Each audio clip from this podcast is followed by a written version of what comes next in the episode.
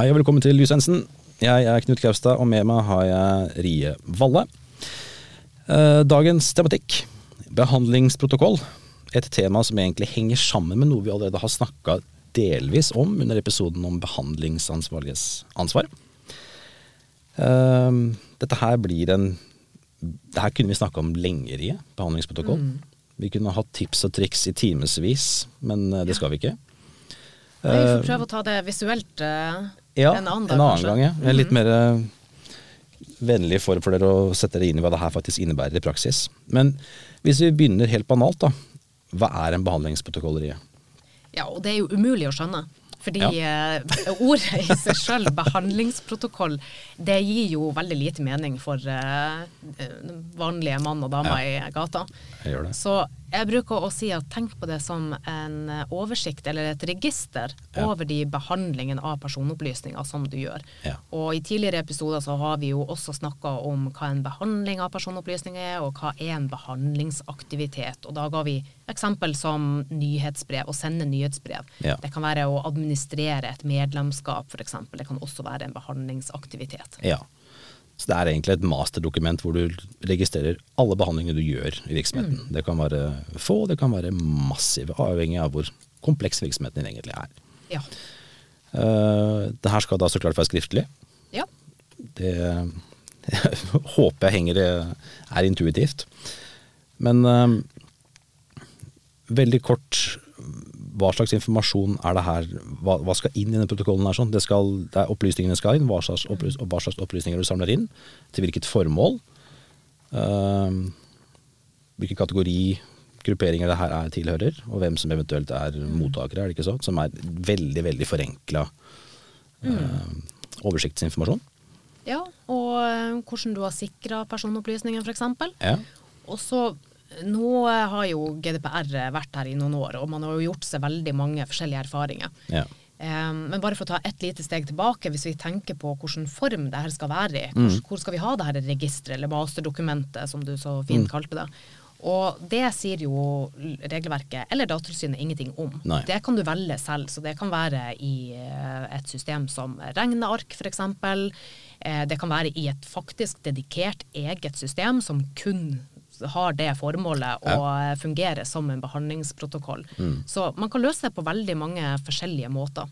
ja. Det viktigste, det er, og som jeg vil at alle skal tenke på, det er hvis Datatilsynet ringer til deg eller kommer bankende på døra, som de faktisk kan gjøre, så skal du kunne dele den informasjonen veldig raskt. ja. Så uavhengig av hvordan du velger å løse det, så det er det som er den viktige syretesten. Det er det sentrale her. At du skal kunne legge det fram fort og, og fort og gærlig. Ja. Det er sant. Og det er jo egentlig, du gjør deg egentlig en ganske fin tjeneste med å ha en godt utfylt og god behandlingsprotokoll, for den her brukes jo til Ikke bare får du den, den totale oversikten over hva du faktisk behandler, og også at du har noe å vise fram ved et eventuelt eh, tilsyn, men vi har vært gjennom andre behandlingsansvarliges eh, plikter, som f.eks. det her med informasjon og personvernserklæringer. Det er mye enklere å skrive en personvernerklæring når du sitter med en komplett liste over hva er det vi faktisk behandler, enn at du skal sitte og diktere ting fra lufta og begynne å leite. Du har alt samla på ett sted, og dette her er utgangspunktet for mye av eh, de andre aktivitetene og forpliktelsene du, du gjør. da. Ja. Og jeg vil jo påstå at det er nødvendig å ha gjort protokollen så godt som mulig Ja. før man i i hele tatt er i stand til å skrive personvernerklæring. Ja. Og i begynnelsen da GDPR kom, og det nevnte vi i en annen episode òg, at eh, man ble pepra og bombardert med alle de her forskjellige e-postene som inviterte til å samtykke til nye personvernerklæringer og sånn i 2018. Ja. Og jeg føler at folk begynte i feil ende.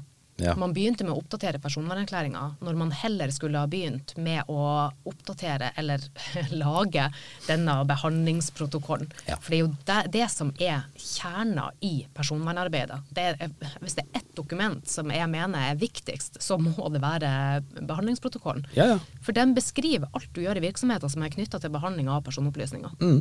Ja, men det blir, det blir jo Det, det er eh, the golden egg du er ute etter. Ja. Eh, for de som er litt uh, Tolkien-nerder, så det derre The Arkenstone fra Hobbiten. Ja. Det, man, det er det man virkelig sikter seg inn på, det er det man skal fokusere mest på. Så kommer alt ut av det på et vis. Ja. Uh, men du som har jobba med det her i praksis, og ser hvordan det her sånn blir håndtert i det virkelige liv, hva slags erfaringer har du med å trekke inn derfra når det kommer til det her med behandlingsprotokoll? Ja.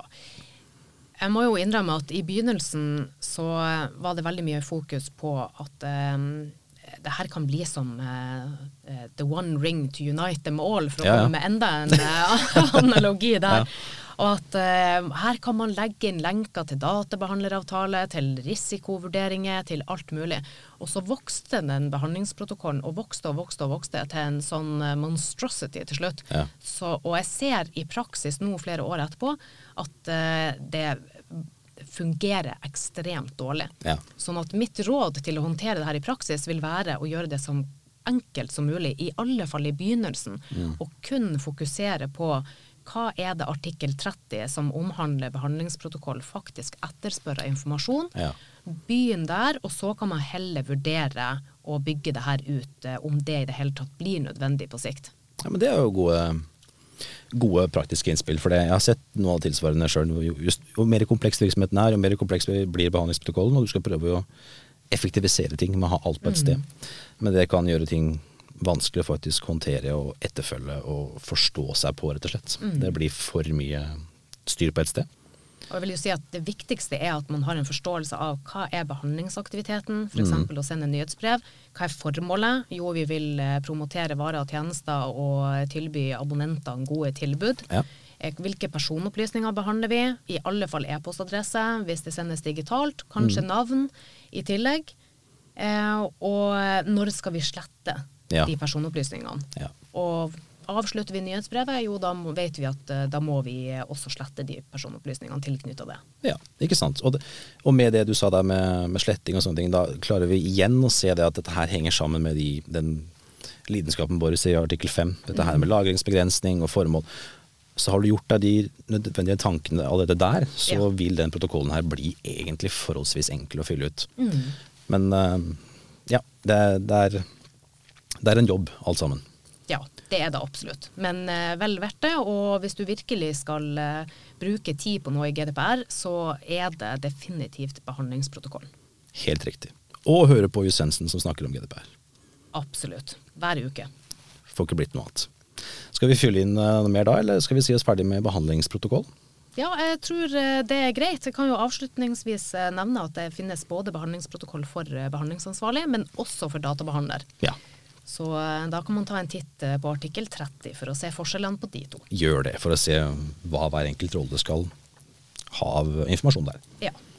Nei, men Så fint. Da har vi tatt for oss eh, behandlingsprotokoll, som er én av behandlingsansvarliges eh, og databehandleres ansvar.